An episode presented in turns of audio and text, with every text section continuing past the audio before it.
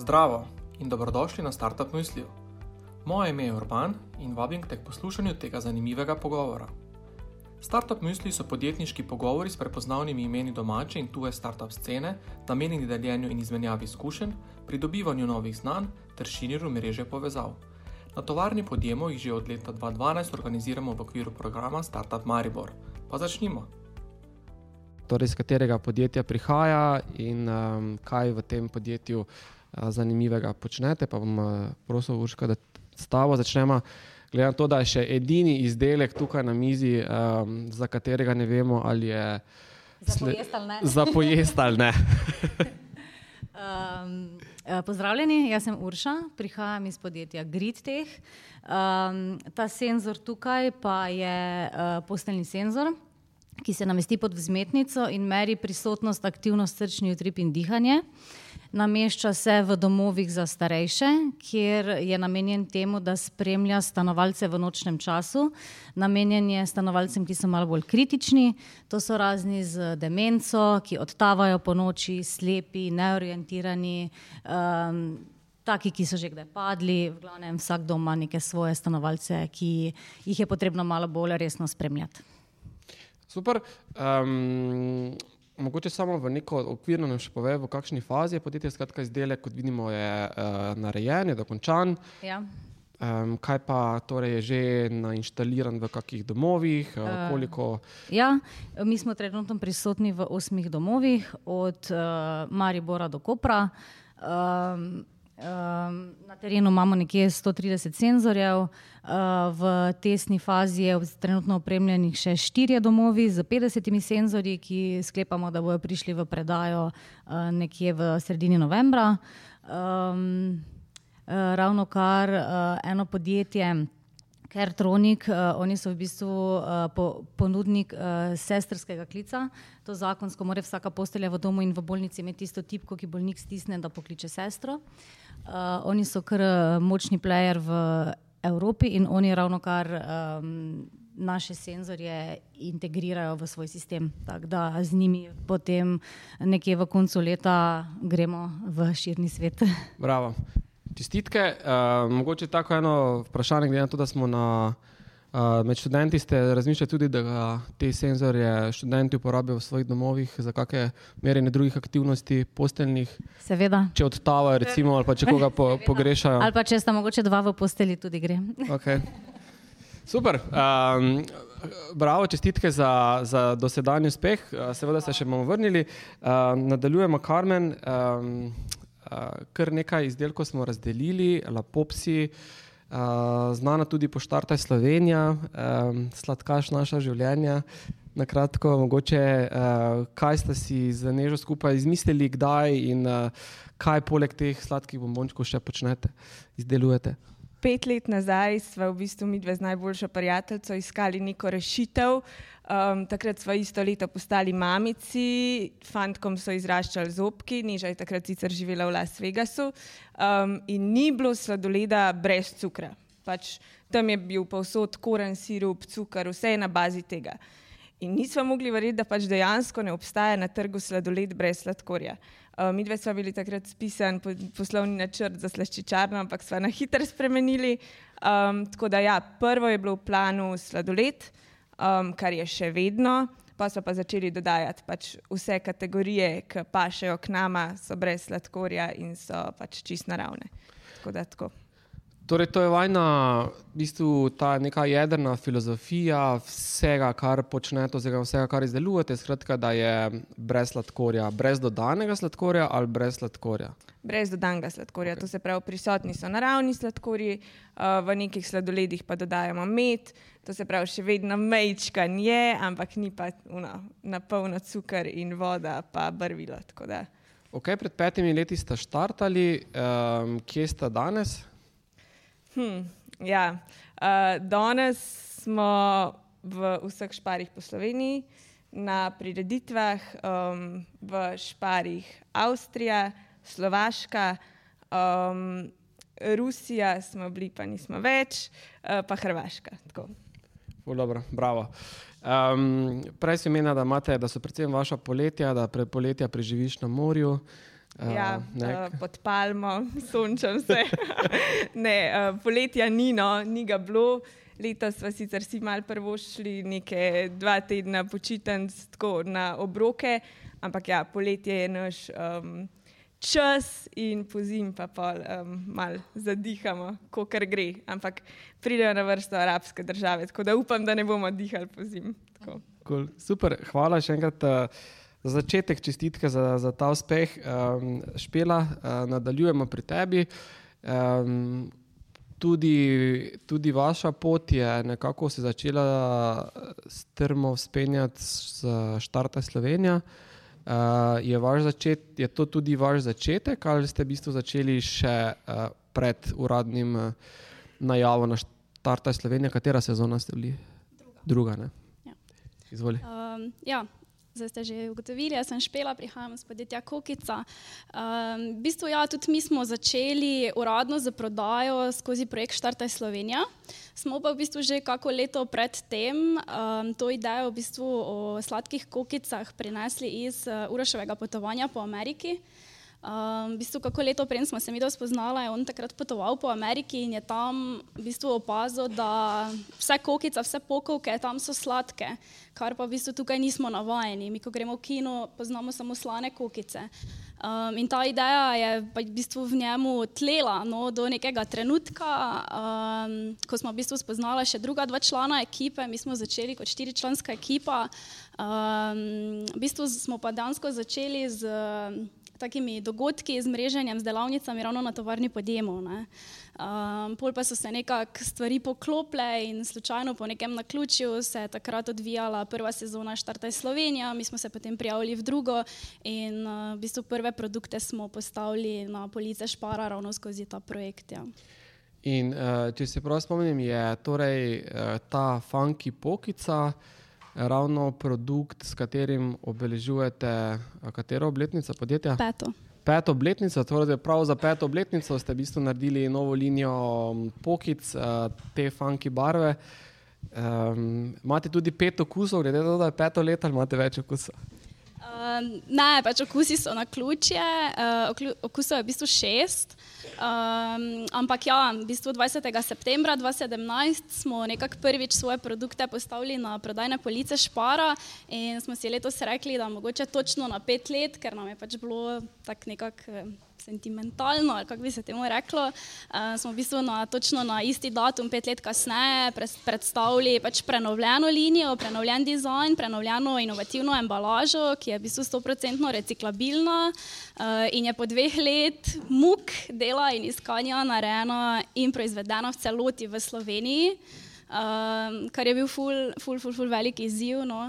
Um, pač tako čist kot uh, zanimivost, ta embalaža je Prvotno naročilo je bilo iz Evrope, na kar se je tisti dobavitelj odločil oditi v penzijo uh, in smo ostali brez. Um, in smo potem ugotovili, da taka ali taka plastika izhaja iz Slovenije. To je Uroš nekako uspel izbrskati, no in je res dve leti je trajalo, da je ugotovil, kje, kdo, kaj in zakaj um, je zdaj pač taka embalaža. Super, bravo, um, čestitke. Uh, špela, prej smo se pogovarjali, uh, torej vojno izobrazbeno ozadje je, ti si torej študirala mednarodne odnose v celi, pa potem po diplom za tukaj na EPF. Kaj pa Uroš?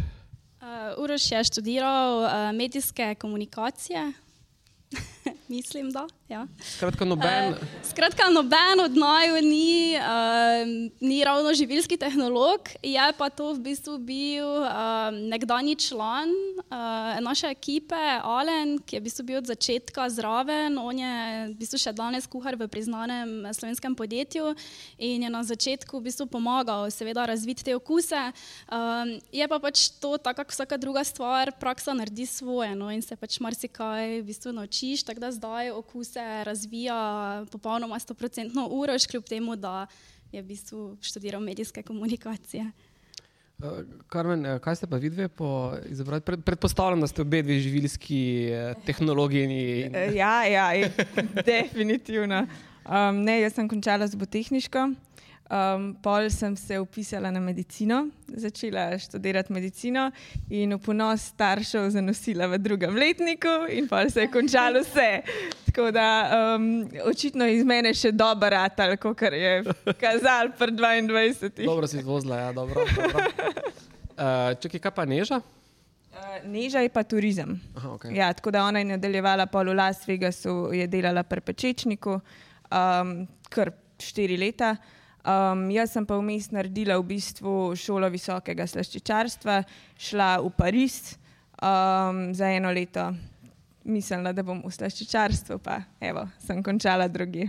Okay, ampak dobro, se na nek način si uh, um, končala ali pa delaš v slaščičarstvu. Ne? Se konec koncev sladoled je kategorija sladice ali. ali? Mislim, je, sam takrat, ko si ti v Parizu, v neki slaščičarni, si čist drugač predstavljaš kot pač neko linijo v tovarni. Um, drugi plani, no, ampak ja, je pa še vedno to živilsko. Tako da nekje sem, no, tukaj ni pa medicina. ja, pa ni pa zobozdravstvo, ne, daleč od tega. Um, ta izkušnja v Parizu je, kaj ti je ta izkušnja v Parizu v bistvu dala? Um, zakaj si sploh odločila, da greš tja in kaj ti je? Kaj si dejansko spoznala, tako čisto praktično, bogatejša, za katera znanja, uvide, uh, spoznanja si, si prišla iz Pariza? Zakaj sem se jaz sploh odločila? It je bilo to, da sem jaz kot po končani takrat, jaz sem v bistvu si vzela malo frej med srednjo šolo, pa pol faksom um, medicine. In sem takrat delala tri službe naenkrat. Zjutraj sem vstala ob petih, šla v slaščičarno, bila v slaščičarni do enih, končala v slaščičarni, šla v zobotehniški laboratorij do sedmih zvečer in ob osmih začela delati na Ljubljanskem gradu do polnoči. In to se je vrtel, vrtel. In sem rekla, jaz v življenju nočem več delati za nekoga, jaz hočem biti sama svoj šef in ko bom hotela eno uro si vzeti fraj, si jo pač bom.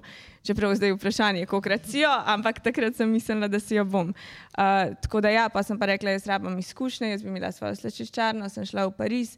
Kaj mi je tam dal? Ja, sigurno nek, um, neko širino, da sem pač videla, kako je tudi izven, da je to da je to čist drugače kot v Sloveniji, ne vem, v naši slaščičarni, drugi standardi, drugače stvari potekajo, plus to, da ti da neko, v bistvu utrdite. No? Takrat prideš, kaj nisi nič, dejansko si nekdo, ki hodijo po tebi um, in po mojem ti da to tist, kar tudi danes rabim.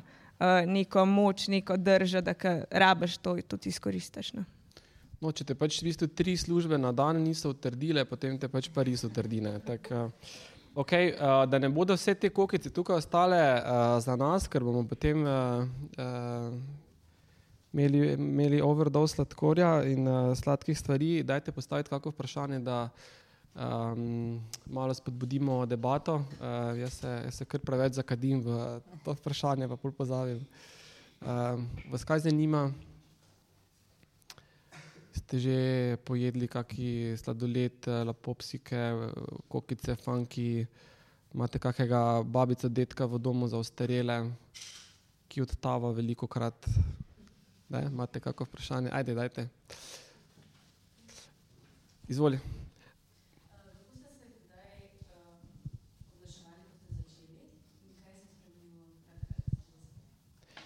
Eh, še enkrat, ponovim, kaj ste?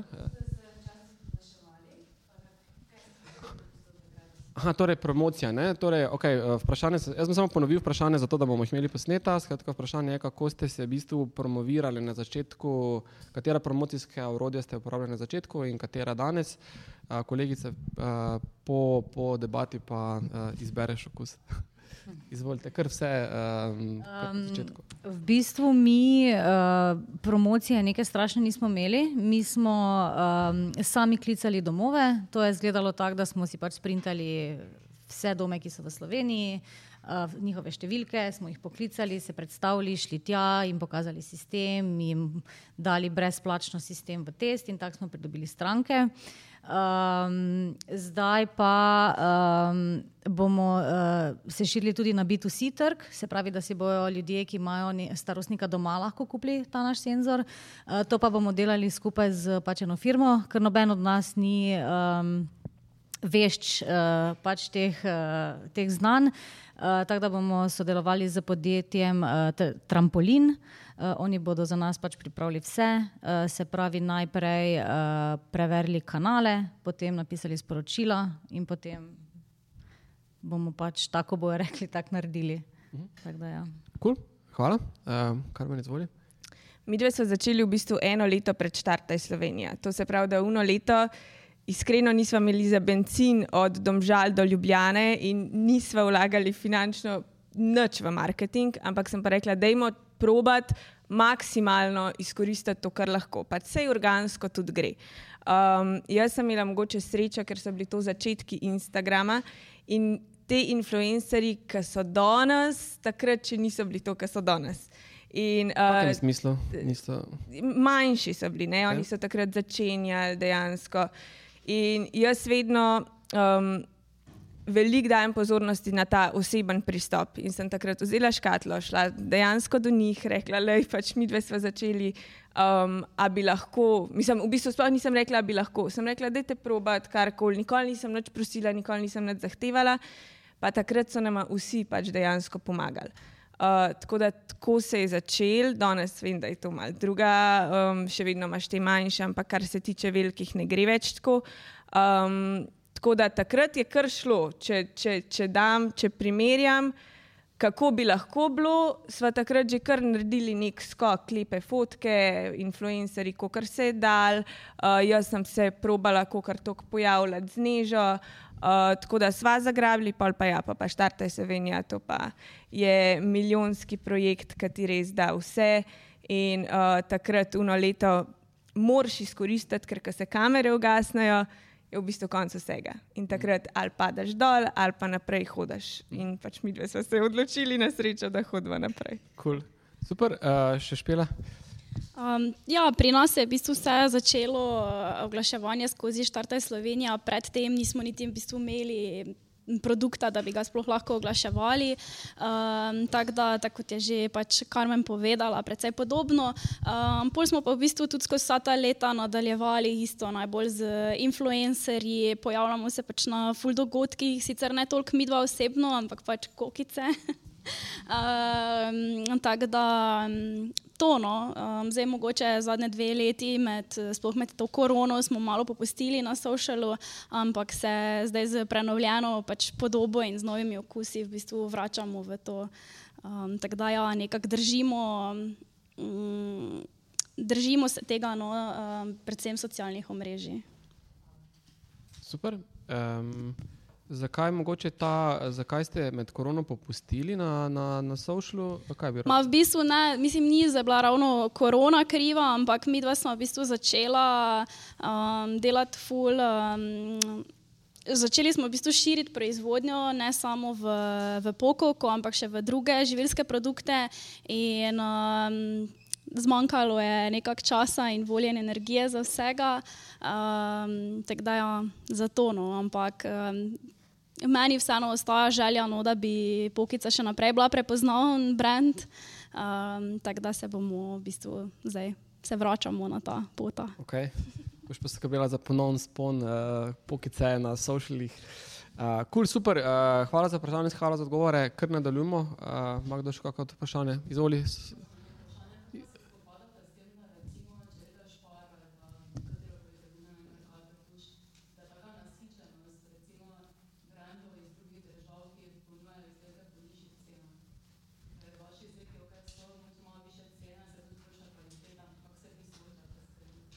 Okay, torej se ponovi vprašanje, uh, je, kako se soočate z cenejšo globalno konkurenco na policah. Bomo je to za kar me pa zašpelo. Ja, um, v bistvu mi dve se nikoli nismo obremenjevali z neko konkurenco. Zato, ker že takrat, ko smo začeli, ko smo sploh napisali poslovni načrt, je bilo prvo, kar je meni rekel oče, je rekel, pa a se ti hecaš, šla boš v biznis multinacionalk, pa ne boš niti eno leto zdržala. In mi dve svarili naprej, kot una dva bikca, nama pač noben več ne more, mi dve bova. Uh, tako da nikoli se nismo prav obremenjevali. Plus, plus to, da v bistvu direktne konkurence ni, niti ni v Sloveniji, niti ni um, v Avstriji, zato pač lažje mogoče prodreš. Um, še vedno moraš pa vedeti, pač tisti je prostor na polici, ti si sam odgovoren za to, koliko se proda. V resnici to zgleda tako, da v bistvu moraš se zboriti za prostor na polici, ki ga plačaš, pač ta prostor dejansko plačaš. Dobiš prostor, ampak še vedno si ti odgovoren za to, koliko se tam proda. To se pravi, plus to, da že plačaš, moraš še ti zagotoviti prodajo, ker drugače pač letiš ven, čistko. Uh, tako da. Ne, nikoli se nismo niti obremenjevali, da je naša ciljna publika samo premium. Um, hočemo narediti to nekako dostopno za vse. Uh, na začetku to itak ne gre, zato ker pač imaš toliko manjše količine in je toliko vse dražji. Uh, pol s časoma pa ti lahko nižaš ceno, čeprav dobro, zdaj smo glih v času, kaj ne moreš, ampak uh, načeloma smo jo vmes že kar dosti zbil. Um, tako da ne se obremenjevati s tem, bolj kot to mislim. Bolj, če se začneš z vsem obremenjevati, ne prideš nikamor, kot te že na začetku ustal. Probat in pač iti neko svojo pot in reči, pač jaz to znam na mal drugačen način in uh, to je to. Špela? Um, ja, v bistvu tudi mi zdaj neke direktne konkurence nimamo. Uh, pokica je v bistvu še vedno po petih letih ena in edina pač slovenska pokoka za kusi um, pač ni neke direktne konkurence, noben dela pokovke na tak način. Um, je pa pač na splošno segment prigrizkov, no, pokovke za občutek se med vsemi ostalimi prigrizki na trgovskih policah pri nas proda tam do 5%. Tako da pač zajemamo res fulmali nek uh, delež, kot, ampak smo pa pač v času projekta Štartaj Slovenija bili prvi v svojem segmentu, kar pa je v bistvu tudi, uh, tudi veliko. Če je torej 5% med vsemi prigrizki, je pokovke. Je pokovke, na splošno. Okay? To je zdaj tako, nam zdaj rekla, da jih je točno 5, ampak tu je ja, okoli ja. 5%, no vsaj par let nazaj je bilo tako. Um, je, to, ja. to še zdaj vseeno, vseeno malo uh, me, bi, bi mogoče poglobil to, da, to vprašanje. Zdaj, gotovo ste naredili torej, uh, nek pregled na trgu. Ne? Preden ste skočili v vodo. Ne? Ok, staršev niste poslušali, um, trga niste poslušali, ne? ampak vseeno, uh, zdaj ste, ste uh, ko ste naredili analizo, kaj, kaj je potrovalo vaši odločitvi, da vseeno greste, oziroma mogoče še me bolj zanima, kakšne pomisleke ste imeli na začetku, kaj vas je uviralo, česa vas je bilo najbolj strah, preden ste rekli, ok, gremo narediti za ta biznis, ustanovimo podjetje, uh, gremo vem, delati sladolede, peč kokice, v bistvu šraufati senzorje. Um, kaj so bili tisti največji um, pomisleki in um, kako ste jih potem pre, prebrodile, odgovorile, Urška? Urša, Urška ali Urška? Urša, Urša prosti. Um, sestro Urško in polje. Ja. Um, ja, um, mi smo v bistvu se pred tremi leti znašli v taki situaciji, ko smo vsi nekako iskali službo ponovno. Ne? In imeli smo idejo o sicer enem drugem senzorju, ki bi se uporabljal nekje drugje, ampak smo po treh mesecih ugotovili, da kot startup z enim zaposlenim še dolgo ne bomo prišli zraven. Je pa v um, drugih članih ekipe uh, že dolgo tlela pač ta ideja o postelnem senzorju. Uh, en uh, Sebastian Šprager je na to temo tudi delal svojo doktorsko nalogo in smo rekli, da je to narediti, da je to začeti, da je proba tako, da v bistvu silom prilike, kako naj rečem, pač ni bilo druge. Mogli smo rešiti firmo in smo rekli, te pa dajmo to narediti. No. Pol smo se začeli prijavljati za uh, razna nepovratna sredstva, da smo lahko vložili v razvoj. Takrat smo, spoznali, smo se spoznali z vami. Uh, Takrat se je začela strma pot. Takrat se je začela strma pot na vzgor. Tako, ja. zdaj, vseeno še malo, malo, malo bom poglobil. Uh -huh. uh, kaj so bili največji, ali dva največja strahova takrat, ko ste rekli, da okay, uh, gremo zdaj v smeri posteljnega senzorja? Uh -huh. Če se vas je bilo najbolj strah? Uh, najbolj nas je bilo strah, pač, koliko bo vse skupaj stalo. Uh, v razvoj smo res vložili ogromno in financ, in časa, in znanja, in vsega. Uh, pač programerji so zelo drag kader, denarja na začetku nimaš. Uh, tako da to je bil kar pomislek, uh, potem pa po drugi strani tudi, kako dolgo bo vse skupaj trajalo, se pravi čas. Uh, hitro, ko smo bili pripravljeni za field teste, se pravi, da bi lahko dali um, na test v domove, uh, je prišla korona, so se domovi zaprli. eh, smo čakali mesece, da smo sploh kam prišli, čas je tekel, denar je odtekal, um, res niso bili rožnati časi, no, ampak smo prebrodili. Okay. Cool, torej čas pa v bistvu, torej čas pa denar. Um, izvoli, uh, Karmen.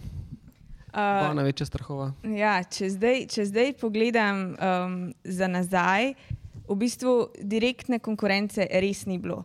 Mi dve imamo še zdaj, um, v bistvu še zdaj. Mi dve smo dve leti celotno proizvodno, ki smo jo imeli sami, preselili v Milano, tako da zdaj imamo tam tovarno. Um, in še zdaj nam tisti italijani pač pravijo, stupido, stupido, ker pač tega ne dela noben. Noben ne daje tako drage sestavine v sladoled, to je tam na um, cukru in ja, vodi in barvilih in to pač tako gre. Noben se ne spušča v tako izdelavo. Mi smo dejansko sadje lupali še zdaj, ker smo v res veliki tovarni za ogromno trgov. Pač lupimo za neke trge in ingver na roke. To se pravi, da je tam pol te dvorane ingverja in to gre vse na roke in pač tega ne dela noben. Uh, Um, tako da ta strah ni bil, ta strah je bil bolj pri drugih, da ne bo šlo pri nama. Ne, mi dve smo sicer naredili raziskavo trga. Um, so neki produkti, ki so mogoče podobni. Um, takrat smo mislili, da to ni konkurenca, čeprav roko na srce je. Ne, ti se boš odločil, ti imaš določen prostor v skrinji, ali boš zdaj kupil enega s cukrom ali enega brez cukra, to je konkurenca.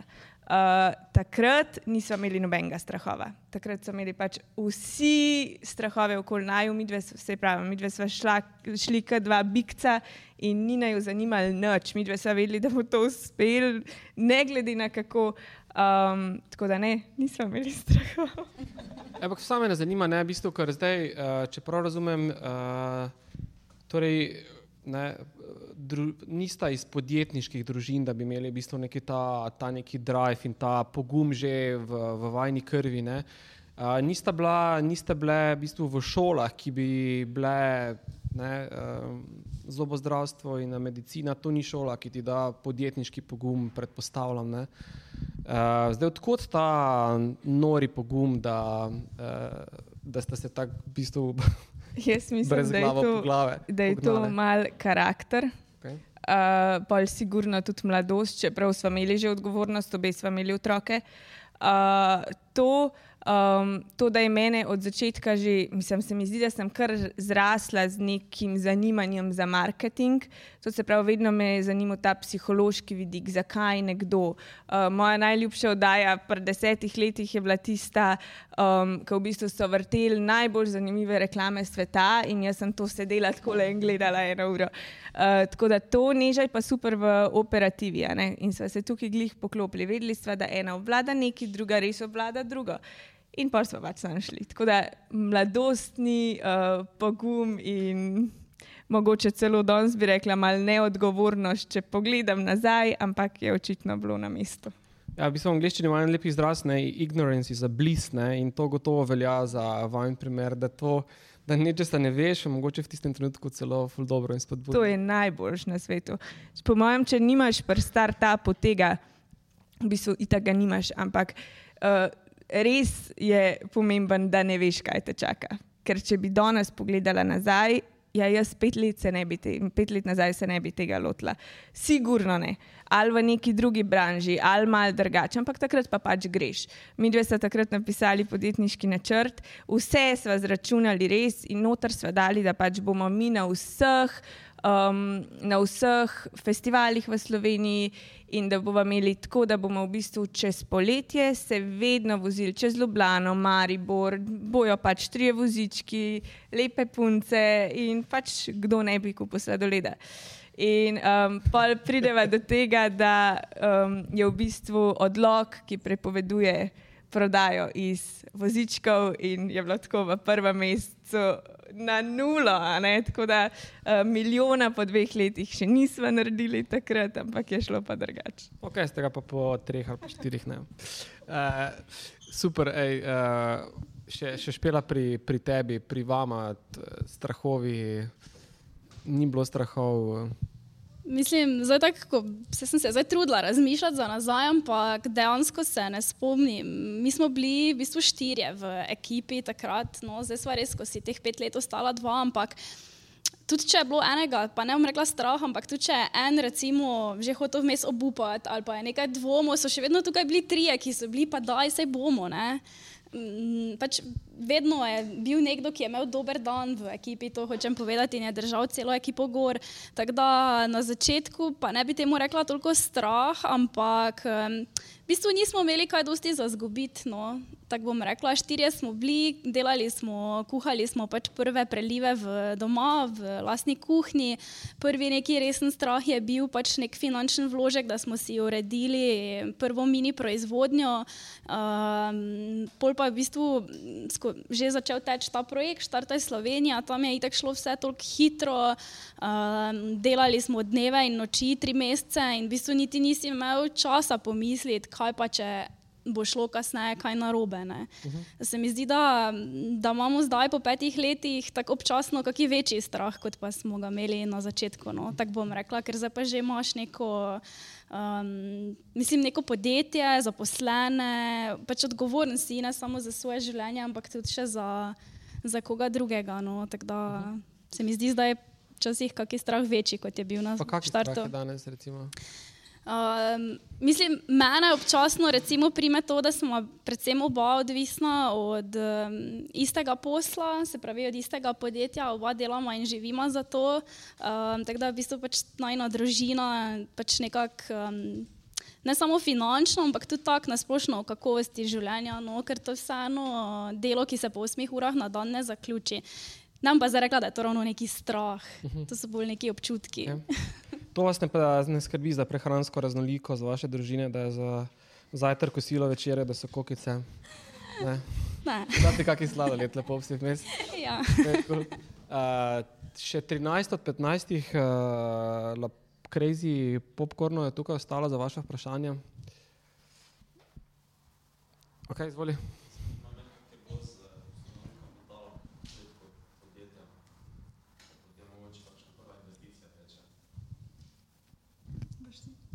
Lahko. Um, pač pri nas je bil ustanovni kapital um, toliko, koliko ga je potrebno, da ustanoviš DOO. Mi smo v štartu pač odprli DOO, ker smo bili štirje v ekipi, vedeli smo, da slej kot prej um, bo pač tudi treba.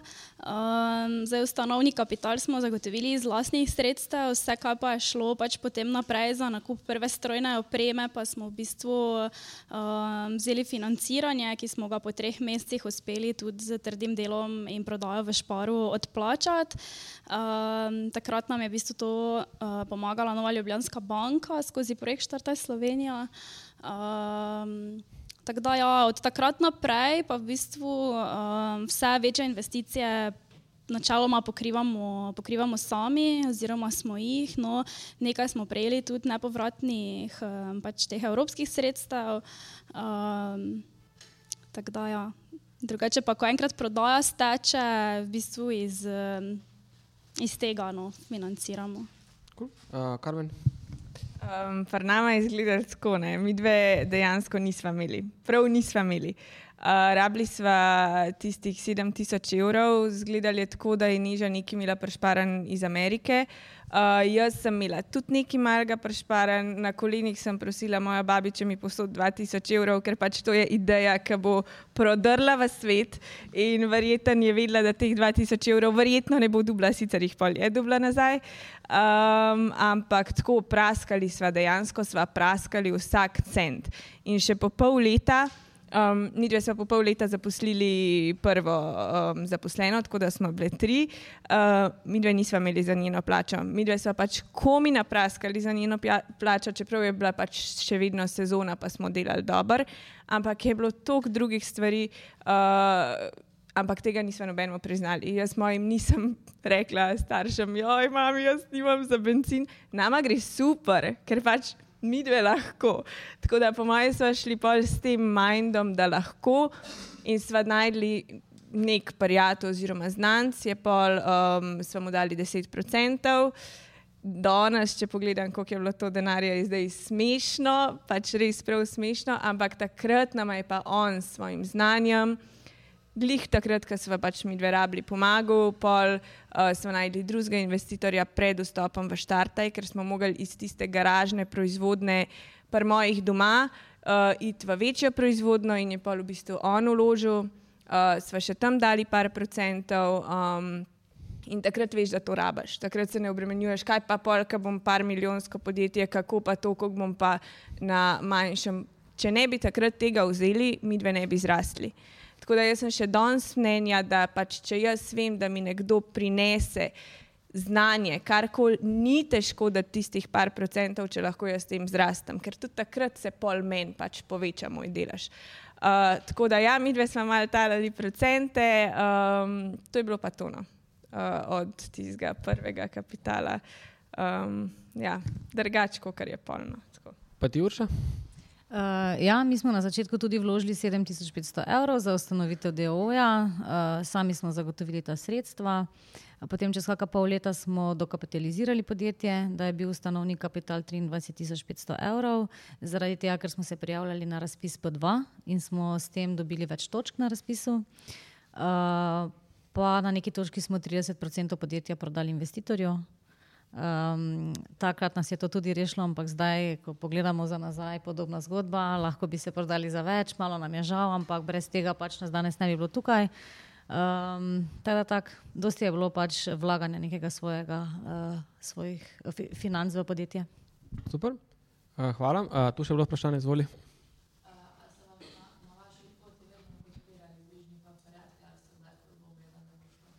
Okay, torej, samo vprašanje, previm, ali so vas vaši bližnji starši um, podpirali na vaši poti.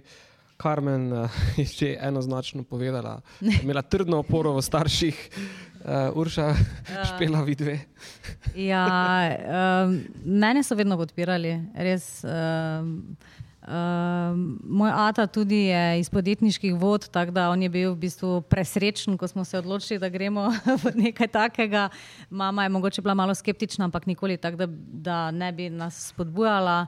Uh, družina, partner, vsi so stali pač za našo idejo, uh, ko je treba, pač, ko nas ni po cele dneve, pač vskočijo, pomagajo z otroci. Tako da imamo podporo. Ja. Super, eh, špela. Ja, mislim, pri nas je bilo tudi to. Se tvoj partner podpira pri tvojih podjetjih? ja, včasih tudi ne. um, pač, ja, mislim, in tako domači, mislim, imamo to srečo in še zdaj sem hvaležna, da ja, so nas podprli. Čeprav jaz mislim, da takrat. Ne vem, če so čistočno razumeli, kaj bomo pa mi zares delali. Tudi ko si je prišel tisti prvi mali stroj, se spomnim, so tako vsi gledali v tisto, pa noben ni zares vedel, kaj pač lahko z tega nastane, ker so to pač kokice.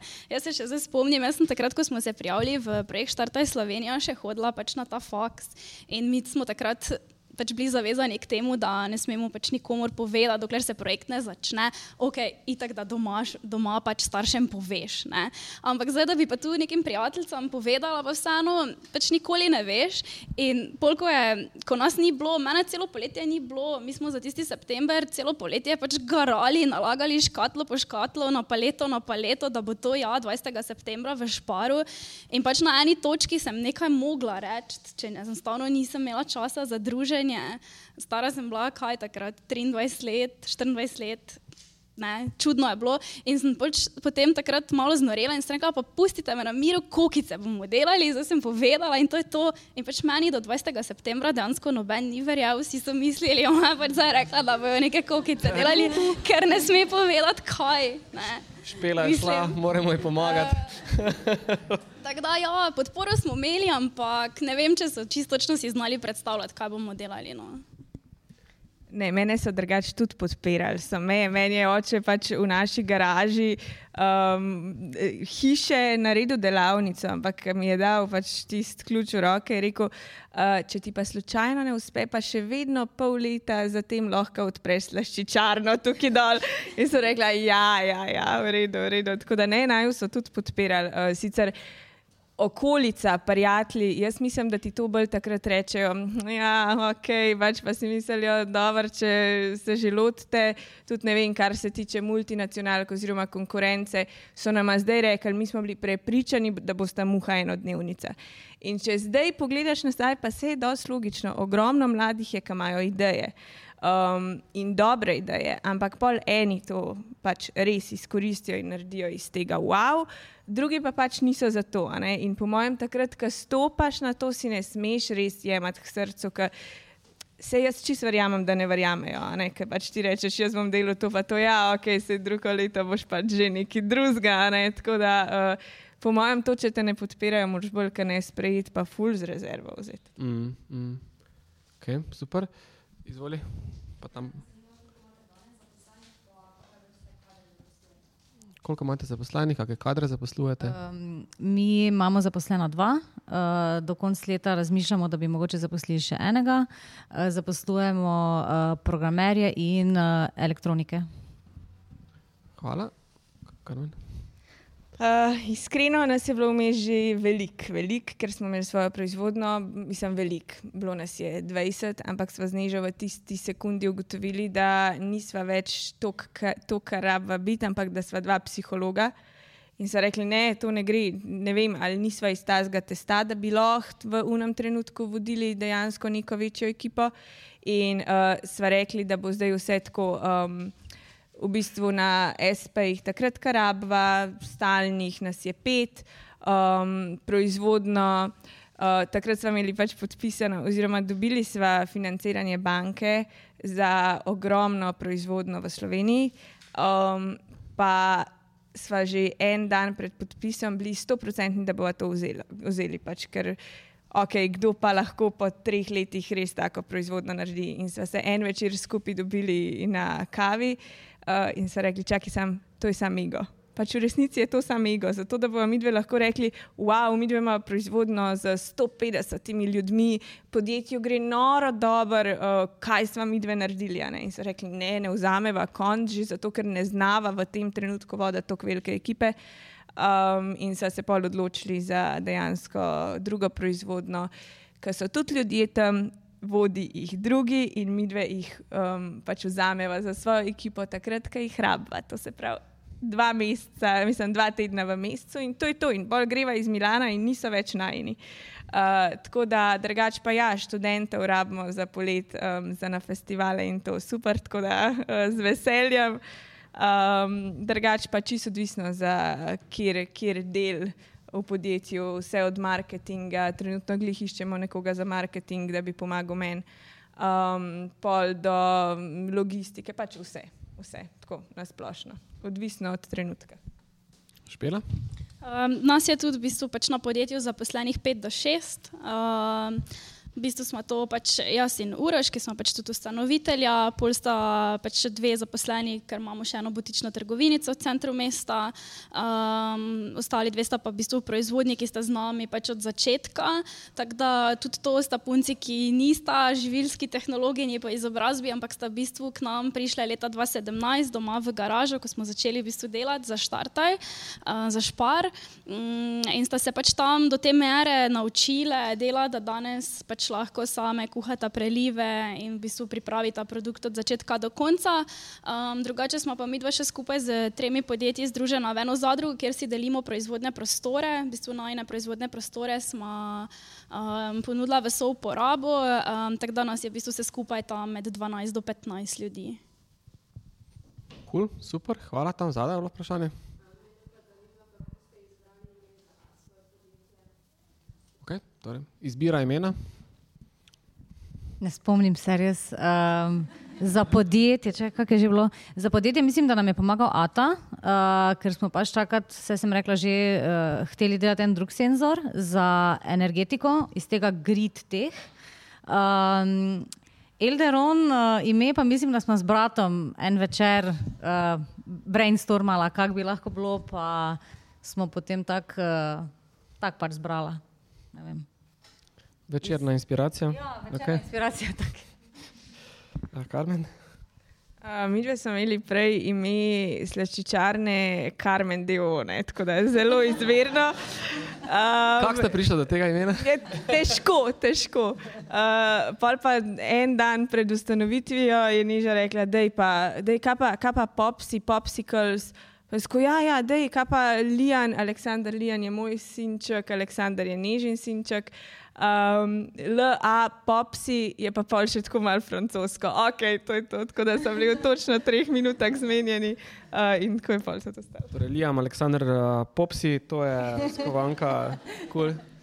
Super, to bo ful dobra zgodba za sinova. Uh, sta... Ja, ne, pol, kaj še en prišel, zdaj jo- je on izuzet. A, dobro, to bo zdaj naslednjo, to bo zdaj naslednjo podjetje, ne, ali pa nov, To ne razlagam več. nov brand. Uh, špela? Ja, kokica, pokica. Ni bilo ravno nekega full brainstormanja. Um, pač v bistvu dela, mislim, vedeli smo, da bo podjetje Kokica DO, zdaj kak bi bil pa brand, pa je bilo pač tak, Kokica, pokica. Pač en je rekel, niti ne vemo, kdo od nas štirih je to rekel za mizo. Um, vse smo še pol malo študirali, pa smo še hoteli, ne vem, tudi neke izpeljanke, ja, gor pa dol, ampak pač nič se ni lepše slišalo kot Kokica, pokica. In ni imelo smisla, no, po mojem, da bi zdaj nekaj nadgrajevali. Ste kaj ta imena preverjali, tudi potem eh, pa registrirali uh, potem blagovne znamke? Ste to, uh, preden ste eh, natisnili etikete, preverjali ta, ali ta ime lahko registrirate na vseh trgih, kamor ste želeli, ali, ste bolj, ali, ali se s tem na začetku niste ukvarjali? Uh, ja, mi smo preverili. Um, v bistvu smo ugotovili, da Elderon je neki kraj tudi v Ameriki, tako da to je bil pol malo pomislek, če bi ali ne bi. Uh, pa za, zaščitili smo tudi pač ime, logotip in barve na uh, Inštitutu za intelektualno lastnino v ja, Ljubljani. tako, Tako tako. ja. Cool, super, Karmen. Ja, mi dve smo preverili, registrirali, tako da ni bilo še nič podobnega. Edina težava je pol uh, nastala, ker sem jaz odpirala Instagram. Je dejansko bil nek fant iz, ne vem, iz tam, bli, meni se zdi, da je bila celo, ne, ne vem, iz katerega dela Amerike. No. Uh, Ker si ti skliknil, sem se jaz kar malo zamislila, res bo to lahko kdo zamešal, pa mislil, da je pač to to. Uh, ampak smo pa, sem rekla, ok, sej. Bo. Uh, tako da edino pri Instagramu je bila težava, vse ostalo še ni bilo zasedeno. Cool, super. Um, ja, v bistvu mi smo tudi kar dosti hitro pač zaščitili blagovno znamko Pokica, ni še pač obstajala. Um, edin problem je bil, zdaj, če se spomnim, pri spletni strani www.kokica.si je nekdo imel zakupljeno domeno, um, ampak to je bilo še pred pač, pričetkom proizvodnje in to je bil tudi taken pač taka hecna zgodba. Mm, Ko smo mi dva začela obiskovati tovarno podjemov, smo odgotovila ravno to, da je ta domena zasedena in takrat. Um, Mislim, da tam na spletu piše, pač nam je kdo popravi, jaz se na to ne spoznam, do katerega datuma je ta domena zasedena in Uroš si je dal tisto mesec dni v koledarček in je pač temu človeku tam nekam pisal in takrat tisti ni hotel prodati. Um, Potem smo pa ujela ta rok, tisti človek, mislim, da ni pravočasno podaljšal te domene, itak tam gor ni bilo nič. In polje Uroš to hitro zakupil in takrat smo si rekla, ok, prva klukica, to je to, to je nek znak pač gremo dalje.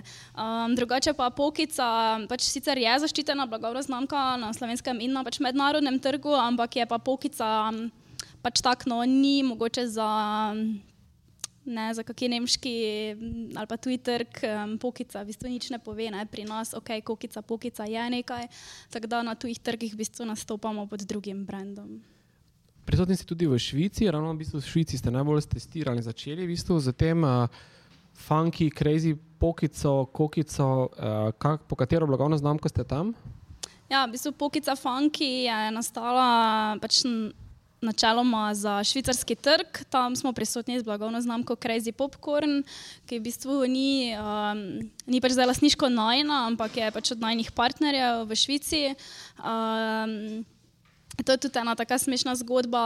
Um, oni tudi obstajajo že kar nekaj let, nimajo pa lastne proizvodnje. Se pravi, mi njim nudimo celotno proizvodnjo, da pripravimo pač izdelek od začetka do konca, ga tja dostavimo, oni se pa tam načeloma ukvarjajo z prodajo, z marketingom in tako naprej. Um, našli so pa v bistvu oni, oni naju, zaradi tega, ker ima en od članov balkanske korenine in ko so iskali proizvajalca, so pač iskali po Googlu kokico. Dobro. Ulovra. Tudi uh, na ključe so del uh, podjetniškega uspeha. Uh, cool. Izvoli.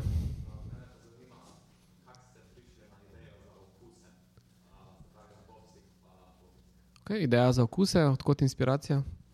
Um, pa bolj, kaj ne čistko, kar je bilo nama dobro, to smo dali takrat na trg. Uh, se je pa večkrat izkazalo, da pač to, kar je nama dobro, ni nujno, da se prodaja.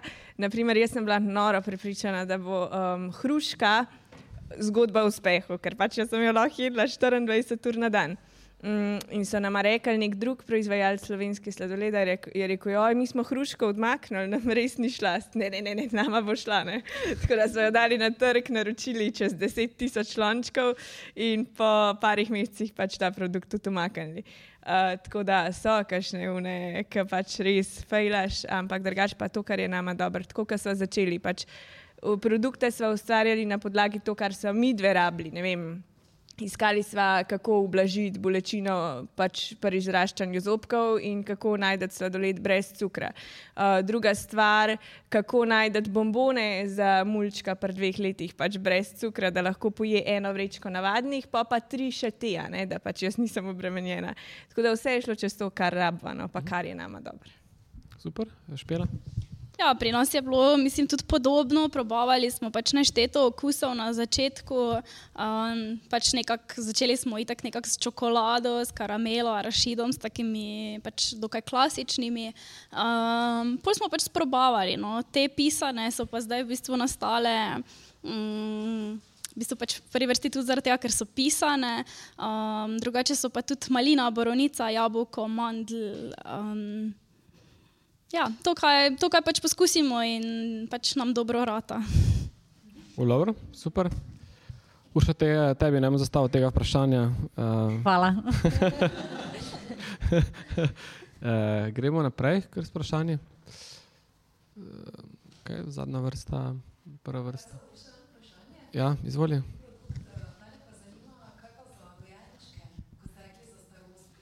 Ja.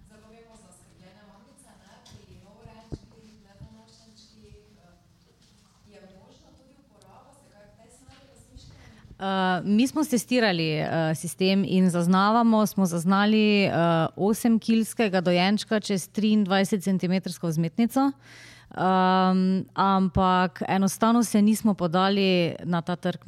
To bi bila za nas čisto nova fronta. Uh, čisto nov, ne vem, mi smo pač šli v starostnike, v, z domovi smo bili na vezi že, uh, v ekipi nas ni bilo dovolj, uh, finančnih sredstev, znanja nismo imeli toliko, da bi zdaj rekli, ker to je čisto drugi trg. Uh, bi šlo, ampak smo rekli, da bomo ostali tukaj. No.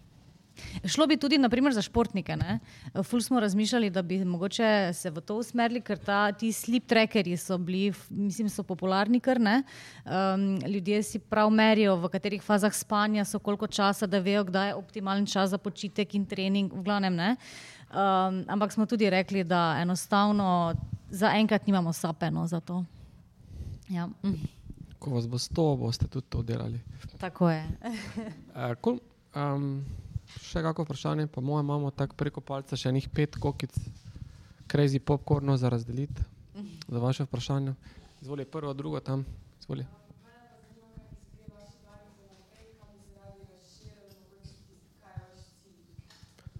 Okay. En ultimativni cilj za 2023?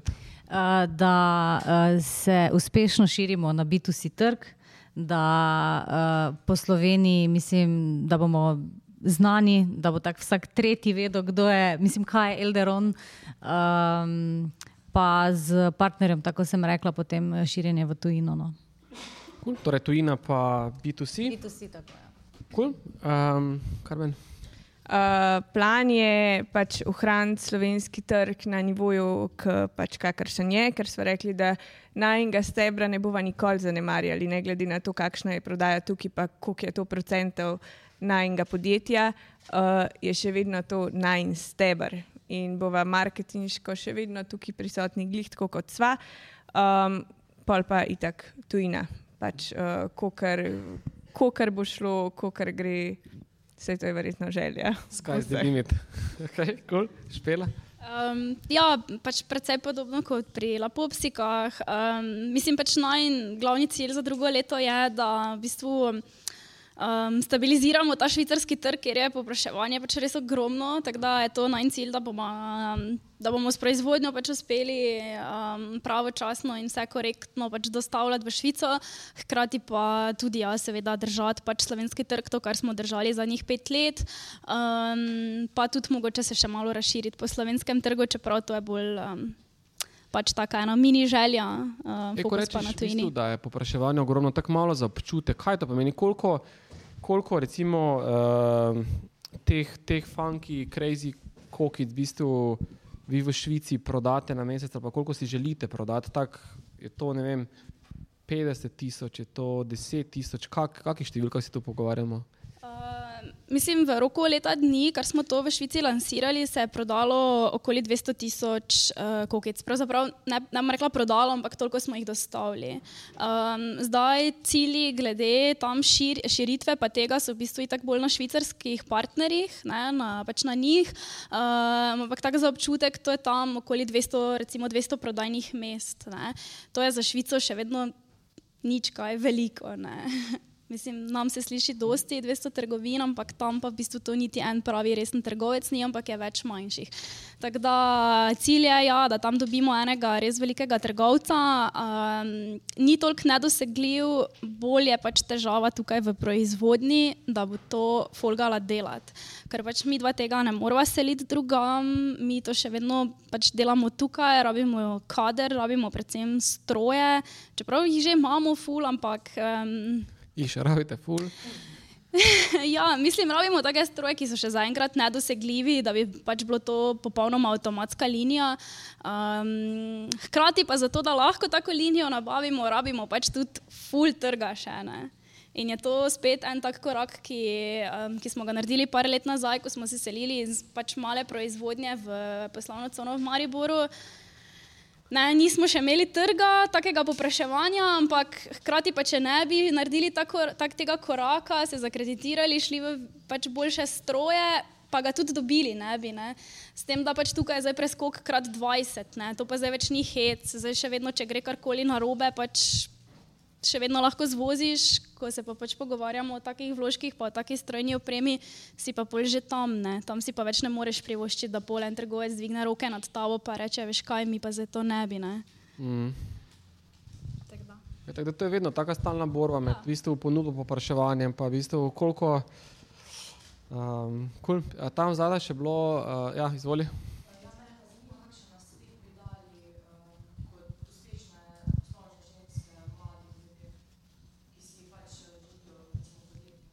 Torej, ena svet uh, mladim poslovnim ljudem. Um, če imate idejo, se lotite, ne obupajte, pa samo, samo akcija.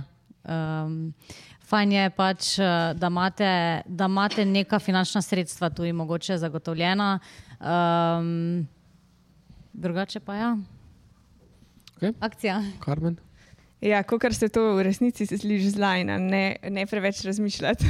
pač sam probi, kaj več, kaj ne, pa več kot po enem letu, ki vidiš, da ni uspel se lotiti neki drugega, ne moreš pač doživeti. Sej ne greš na začetku z ne vem kakšnimi financami v to probat in pol videti, pač, ali nekaj se prime ali se nekaj ne prime. Če kdaj lahko, lahko to, kar nimaš otrok, uh, pa magari tudi, če si na faksu, ker pol, ki imaš otroke, imaš takoj sedem ur manj časa v dnevu, kar pomeni, da pač rasteš veliko počasneje. Tako da uh, ne čakati, pa ne se obremenjevati, ni še ta pravi čas, bom drugo leto, pa sam še to, ma probi, pa le, če gre, gre, če ne. ne. Um, jaz mislim, mislim, se strinjam. Um, drugače pa ja, isto tudi tako, pač, kot če izhajam iz sebe, kot iz ženske, bi predvsem rekla to, da ne stokrat razmišljate o eni in isti stvari, čeprav jaz to tudi vedno delam, ampak pol, pol ti že pade motivacija in si vmes misliš, eh, pa ne bom ne, ne da se mi, ne bom. Tako da ne toliko razmišljati, kaj pa če. Um, jaz bi rekla, da ful pomaga, če si najdeš pač kako ekipo, pa se ne rabi jih to zdaj biti deset, lahko je pač en člen ali pa dva. Meni je to bila pač najboljša izkušnja, ker ekipni duh Zdaj odvisno pač, kakšen človek si, ampak ekipni duh naredi svoje. Um, pa nikoli še ni bilo bolj enostavno, kot je danes, nekaj začeti, sploh na socialnih kanalih. Nikoli še ustvarjanje vsebin, promocija, marketing ni bil bolj enostaven. Mislim, ne rečem, da je enostaven, ampak bolj dostopen kot je danes. Tako da v bistvu lahko začneš svoj biznis um, s telefonom, ne rabiš narediti živilskega produkta, lahko, mislim, super je, če ga, ampak lahko, lahko delaš marsikaj in niti ne rabiš takih finančnih vložkov za začetek. No. To predvsem majte v mislih. Tudi za tiste, ki morda razmišljate o kakšnih uh, živilskih produktih, ne, mogoče to je, se mi zdi tako fajna stvar, da veste, ne, da pri vas ravno uh, uh, špela, ne, v bistvu ste taki, s tem pravim, taki prototipni laboratorij za neke prehranske produkte, ne, v bistvu malo serijski prototipni laboratorij, tako da vi proizvajate poleg vaših izdelkov še ogromno drugih uh, malo serijskih produktov, tako da verjetno je tudi to priložnost za koga, da se ne rabi obremenjevati zdaj pravim celo proizvodnjo, pa certifikate, pa dovoljenja. Ne pač lahko načeloma pri vas naredi te prve serije, da testira trg? Ja, mi dva smo del pač zadruge Kooperativa 103, ki pač to vse skupaj nudi. Um, tako da, ja, če ima kdo kako, um, ampak že malo vseeno dodelano, dodelano stvar, nudimo pač tudi te proizvodne rešitve. Um, čeprav jaz osebno vseeno mislim, da. Za res dober nastop na trgu um, je štart z vlastno proizvodnjo, za, pač to je moje osebno mnenje, skoraj da nujen. Zakaj? Se mi zdi, da ti da neko širino, pa po mojem se bo Karmen tukaj tudi kar strinjala. Mislim, da ti neko širino, da dobiš ti občutek, pač, kaj vse tukaj noter je. Ne? Sploh, ko si na začetku, da tudi razumeš, kaj pomeni proizvodni proces. Uh, ne govorim, da je karkoli narobe z outsourcanjem proizvodnje, uh, ampak se mi zdi, da za začetek, če se boste lotili tega, bodite vsaj vpleteni tam. Ne? Idite vsaj k tistemu proizvajalcu, ki vam bo produkt proizvajal, stojite zraven, gledajte, učite se. Ne samo, kako se zdaj nek preliv naredi, ampak tudi odkot prije embalaža, kako gre etiketa gor, kako gre lot gor, kako gre. To je To je mali milijon stvari, ki jih pač zato, da ti uspešno vodiš svoj posel in na koncu produkt prodaš, po mojem, moraš, moraš vedeti in moraš razumeti. Uh -huh. cool. Ja, super komentar. Um, kako vprašanje še? Izvoli.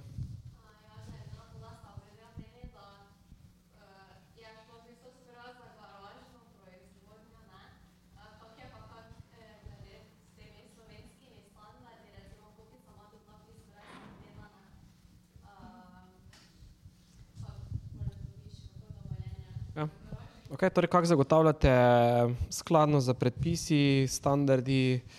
Um, Ja, mi smo, mi smo začeli sicer res v doma v garaži, pač pri Urošu doma. To garažo smo pač popolnoma prepleskali, položili ploščice, odstranili vse, kar pač tja noter ne spada, voda, elektrika in to. to.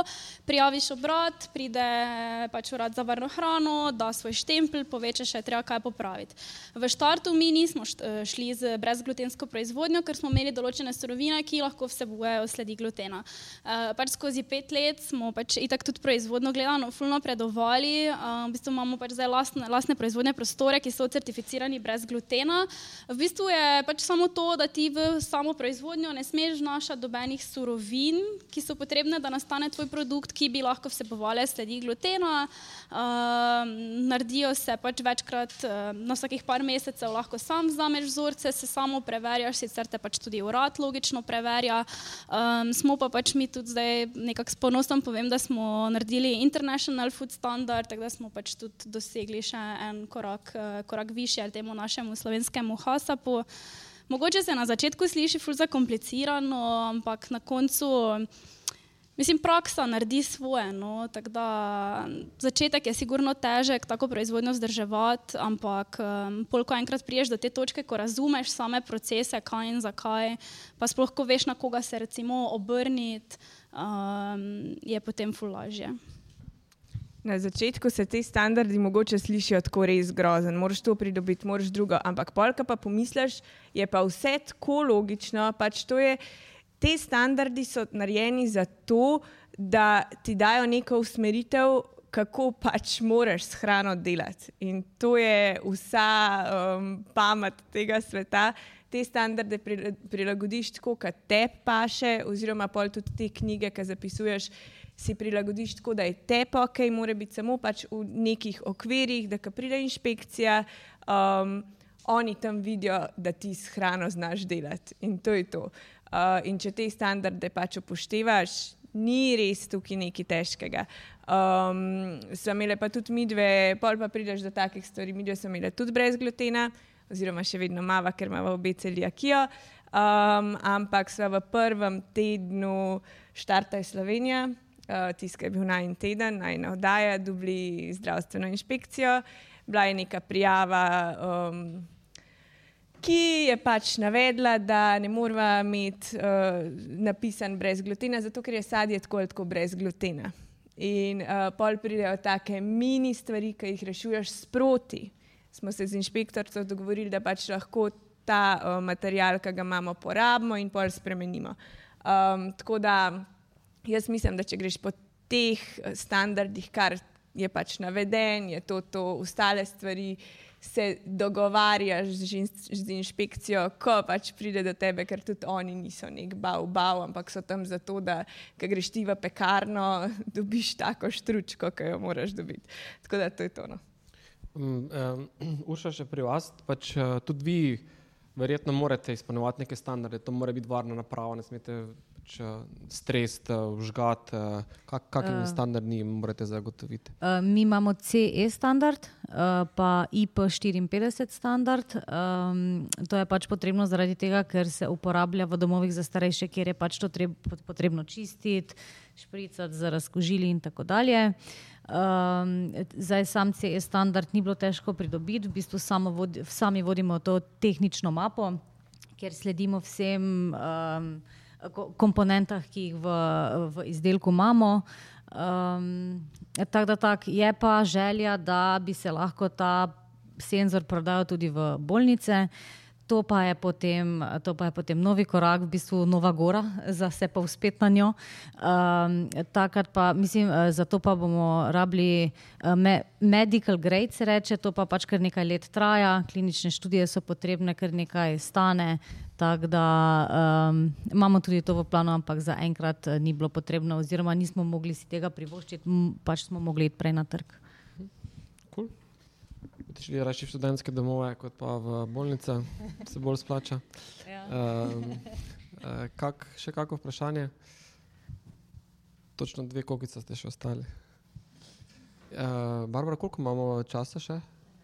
Aha, ok. Dobro. Ja, časa zmanjkuje. Meni se ful dobro vne jabolke, tako da bom jih z veseljem pojedel, če ostane. E, kaj je ta temna zelena? Borovnica. Borovnica, ok. Uh, dobro. Um, prvič, drugič, tretjič vprašanja. Okay. Uh, zdaj vsi delate, uh, vseeno smo zdaj v tednu ženskega podjetništva uh, in še mogoče malo na, na, na to, uh, uh, temu vidiku posvetim. Um, kaj recimo uh, špela in špela in vidijo, da sta v, meš, v mešanih ekipah, kaj po vašem mnenju prenese ženska energija v, v, v podjetniško ekipo? Dobrega in slabega. slabega ni. um, vem, meni se zdi, da smo um, malo bolj mogoče vztrajne, pa čustveno vpete v situacijo, sploh ko, gre, ko so težki časi. No? Uh, Uh, takrat se mi zdi, da, smo, da sem jaz tista, ki nekako jih poženem naprej. Vem, oni so tako bolj racionalno gledajo na vse. Ne? To ne gre, to bomo zdaj tako, to več ne bomo, to bomo potem. Ne? Jaz pa se nekako ne morem ločiti. Ne? Je, uh, tako da, ja, mogoče iz tega vidika, pa včasih, eh, ker pri nas je tako, da v bistvu nas je v ekipi šest, sicer niso še vsi zaposleni.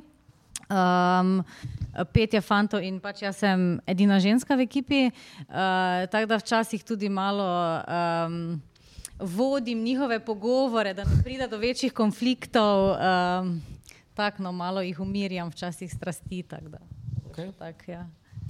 Dobro, skratka, um, super. Zdaj, eh, špirati imaš še uh, dodatno uh, bolj uh, kompleksno situacijo, ker je Uroš tudi tvoj partner. Um, ja. Zdaj, uh, kak, kak je, kak je, kaj so prednosti, slabosti takega biznisa, partnerskega, pa ta ženska energija, še me zanima isto. Uh, kričiš, uh, tako turša. Ja, mislim, je pestro. Pa ne vem, zdaj te prednosti pa slabosti, tako se mi zdi, da karkoli zdaj izpostavim, se lahko narobe sliši, ker včasih je ena stvar hkrati prednost, hkrati pa, hkrati pa je tudi slabost, če pač boste razumeli. Uh, pač ja, jaz sem tisti člen, ki prinese pač v vsako stvar čustva, ne vem, kakorkoli se pač trudim včasih eh, res tako objektivno na nekaj pogledati, ampak pač pri meni to ne gre, medtem ko je urož na drugi strani pač čisto tak, tak je, to pa to lahko naredimo to pa to moramo narediti, če hočemo do tega priti, pa ali bomo ali pač ne bomo. Ne? Ni zdaj to bolj 14 dni premlevanja, jo, kaj pa če bi tako, kaj pa če bi tako, recimo, um, tako da tu se najbolj, no, tu se najbolj lovimo. Um, drugače pa mi smo dali vse skozi, mi smo bili pač dve ženski, dva, dva fanta, dva para, en par je šel vmes na razen, mi smo vse to nekako um, že pač šli skozi, vse ok, vse good. Um, tako da ja, meni je fajn, no, da smo, da smo mešana, mešana ekipa. Vi ste, res... neko, vi ste za neko Netflix serijo, to se mi zdi tako. Ja. Ja, uh, vse je res. Ja. Smo pa drugače tako no, v proizvodnji, pa smo v večini ženske. Tam pa je urož uh, osamljen. Tam pa je urož po vaših uh, navodilih pleše. Okay, ne, čeprav ne vem, vedno jaz, ko uroša kliče, on re, meni, meni vedno reče, delam zdaj sladoled, delam kokice, tako da ne vem, kdo v resnici tam v proizvodni dela. Ne. Ja, pač on je full, uh, on je full teč, uh, kak bi rekla, več na, um, on je tisti člen, ki je na večjih projektih vsak dan, no, nekako prisoten, tako da, ja. Cool. Uh, super. Vajni kore ekipi sta pa, je pa čista ženska energija. Ja, vmes smo imeli tudi moško, pa je ni šlo. Pa je bil na koncu večji kurnik, kot kar smo same ženske. Tako da smo nekako uh, moške za, tre, za trenutek uh, dali na stran. Ne, ja, zdaj trenutno smo same ženske, sicer so tudi študentje. Um, ampak ja, mislim, nimava neke, toliko smo si že mi dve drugačna karakterja da se pol tudi mi dve karakterno. Tako da ena je mal trenut, en trenutek mal bolj ti ženski, druga je bolj tako, no, mal se menjava. Ste tudi v bistvu pri, pri, pri vajnem tandemu je ta ena malo bolj racionalna, pragmatična, medtem ko druga bolj čustvena. Uh, ali, ali to sem tudi... glih prejšnji teden razmišljala, ampak odvisno od obdobja. Tako, uh, nikoli nimava nekih hudih konfliktov, imamo pa ogromno unih konfliktov dnevnih. Verjetno je to v ženski ekipi mal drugače, ker se pač znava, dobro, s vami dve tudi na nekem sestrskem odnosu, ker sva že od Mejhanga, ampak se res znava tisti počet za marsikiro stvar, ki se verjeten moški ne bi. No. Uh, ampak, na kakšen ja. primer, no, to bi fuler slišal? Jih je to, da ne, polona reče, ne klič me dva dni, jaz se umaknem, tako da ne vem, kako je to prvama, je ne pokličal dva dni in pol smo v redu. Uh, ampak ne, je bilo pa vedno tako, da takrat, ko je pa. Takrat, ko se pa gre res za eno stvar, pa mi dve začutva, kje ima tista, ki ima prav. In pač tista vseka po mizi in reče, tako pač bo. In pa se druga odmakne in reče, ok, tako bo. Uh mhm. -huh. Tako da tako funkcionira. Cool. Kako imate pa vloge, uh, razdeljene to še mogoče za vse vprašanje uh, v podjetjih? Pač večinoma ste tandemi. Uh, Kako imate vloge razdeljene oziroma odgovornosti v podjetju? Um, jaz sem v, uh, v bistvu operativi, čista operativa, ostali so pa uh, v bistvu uh, tehnični vodje in tako dalje. Uh, tako da jaz skrbim v bistvu za administracijo, projekte, če se na kaj prijavljamo, potem tudi v prodaji sem zelo prisotna, grem v domove, sem v stiku s strankami, sem v stiku z dobavitelji. Um, tako da, tak, ja. To je moja vloga. V bistvu vse. v bistvu vse, ja, samo ne, ne programiram, pa tudi lotala sem že, tako da v bistvu res še v proizvodnji sem kdaj pomagala. Evo. Super, uh, tvoje, kako imate vidve? Uh, mi dve smo bili na začetku obe za vse. In uh, pol je to zgledalo tako, da smo si še Instagram postanje razdelili ena v tednu dvakrat, druga ma trikrat in je bilo vse zmešan. In pa smo nekako čez eno leto videli, kaj kiro res veseli, tako da smo zdaj marketing in razvoj čez.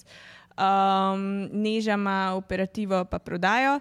Um, kar se tiče festivalov, je pa to tako uh, zelo naporna stvar in si jih menjujeva eno leto ena, eno leto druga. Sicer ne prodajava več, ampak hodva pa zraven, zato ker je pač čist drug pristop, če grem jaz do organizatorja, mu dam roko in je spet neka osebna. Tako da sva na vseh festivalih eno leto ona, eno leto jaz. Odlično, odvisno, katera glasba vam všeč. Um, špela? Um, ja, pač v bistvu pri nas je um, Uraž v bistvu vodi več ali manj um, vse te operativne stvari, prodajo, nabavo v proizvodnji, um, imamo pač vodjo proizvodnje.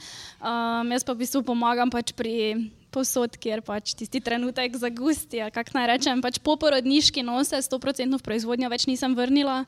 Uh, hkrati pač smo tudi odprli to botično trgovino v Mariboru, tako da jaz v bistvu zdaj vodim in prevzemam pač vse, kar je tukaj. Uh, hkrati pa še pač v natržaški proizvodni skočim, ko pač je nuja, pa pač pomagam z administracijo no, uh, na tak način. Tako da na Koroški koliko ste? Na Koroški pet. Koroški pet, lokalka, uh, mala botična trgovinca z slovenskimi proizvodi. Uh, tudi te kokice najdemo tam? Tudi. Okay. Popsike? Ja. Vse? Elderon? Ne. ne. Dobro, uh, kako vprašanje še tukaj za konec, uh, preden nam uh, čas pobegne in zazvoni zvonec? Vprašanje za konec, preden zazvoni zvonec. Ne? Okay, uh, po pa še jaz zaključim z uh, vprašanjem, r, r, r, kaj bi uh, naredili, da bi bilo več uh, ženskih podjetnic, takih kot ste vi? Magični na svet. Kaj bi jaz naredila, da bi bilo več takih podjetnic? Ne vem. Ne vem pač. Upam, da si bojo bolj upale, no, da bojo bolj pri, prisotne v, v tem svetu. Da, Glede na to, kak, danes, kak je danes ženski del občinstva bolj aktiven, me ne skrbi, ja, da se je. bo to razmerje izboljšalo. Tako da, moški, slabo.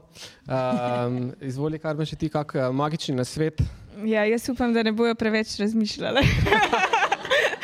uh, pa da v bistvu mogoče je res pametno, da se to, glede na ženski del občinstva, uh, lotaš, preden imaš otroke. Jaz sem se lotila sicer, ker sem imela otroke že, pač enega majhnega in se da, vse se da, ampak res je verjetno malo lažje, če greš v to čist neobremenjeno z velik časa. Uh, tako da jaz mislim, da glede na to, kar me kdaj tako kdo vpraša, kaj se pa razlikuje, misliš, da si kot ženska podjetnica kaj na slabšem delač od tega. Uh, jaz mogoče niti ne maram to deliti žensko pa moško podjetništvo, čeprav polka pa pogledaš, se pa najbolj razlikuje točno v tem, da ko postaneš mama, si ti še vedno pač mama. In mama v prvih osmih letih je pač na prvem mestu in tukaj si mal na drugačnem položaju. Mm. Tako. tako da uh, upite si takoj zdaj jutr. To to. Ampak glede na to, da ste vse tri mame tukaj, ne, tudi to očitno gre. Ne? Ja, gre. Okay. Uh, super ste. Špela? Ja, mislim, ne vem, kaj bi še, kaj bi še takega dodala, da bi za to žensko pač podjetništvo spodbudila, ampak um, ja, ne vem. Um, pač, sigurno je lažje začeti pred otroci, ne? ni pa to tudi ne nujno. Mislim, poznam, v zadnjem času sem spoznala tudi ful žensk, ker sem sodelovala v enem programu ženskega podjetništva, ki so v bistvu svoj biznis razvile med porodniško ali pa poporodniški, sicer bolj z izdelki na, pač za otroke, ampak um, pač ja, dajte si, dajte si čas, dajte poskusiti. Um, jaz sem tudi sama bila, se pravim, še v študijskih letih, ko smo začeli, ko smo ustanovili podjetje in v bistvu takrat Zdaj, če tako povem, jaz sem bila najmlajša, vsi ostali so že imeli redne službe, dva otroka, eh, so vsi že nekje bili. Ne? Pač jaz nisem rabila nič postiti za to, da sem vstopila v podjetje. Jaz tudi nisem nič riskirala, razen tistih par tisoč evrov, da smo podjetje ustanovili. Jaz, če bi v tistem trenutku vse propadlo, zaradi mene doben doma ne bi bil lačen, živela sem še doma, nisem imela pač popolnoma nobene odgovornosti. Medtem ko moja sestra je vseeno imela redno službo, dva otroka, pač je mogoče res dosti, dosti teže se odločimo. Plus, starejši, ko boste, več se boste zavedali, kakšne napake in kaj vse se lahko zgodi.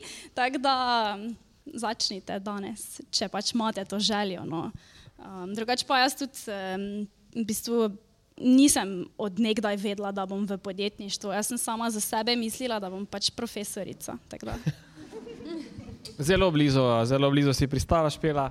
Uh, še enkrat čestitke vsem uh, in bravo za te uspehe. Želim vam vse uspešno tudi naprej. Uh, hvala, da ste bili danes z nami, da ste vse prinesli te dobrote in zanimive izdelke. Uh, en velik aplaus in naše uh, punce zaslužijo.